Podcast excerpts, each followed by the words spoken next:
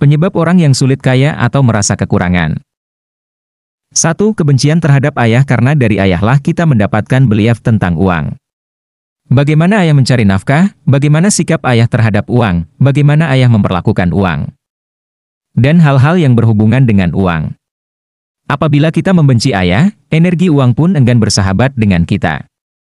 Entah kita selalu kesulitan keuangan, atau uang banyak tapi enggak barokah dan tidak pernah merasa cukup.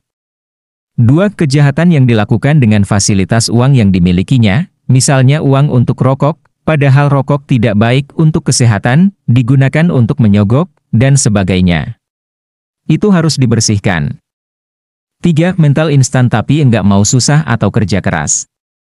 Ini bisa jadi diwariskan dari orang tua yang selalu menuntut anaknya menjadi cepat kaya dan mengabdi kepada orang tuanya. Sehingga begitu punya uang, buru-buru dihabiskan, daripada diminta. Wahai para orang tua, ingatlah bahwa anak adalah amanah, bukan investasi untuk menjadi kaya. 4.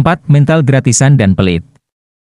Karena selalu minta gratisan, sehingga buta melihat kesempatan beramal dan sedekah.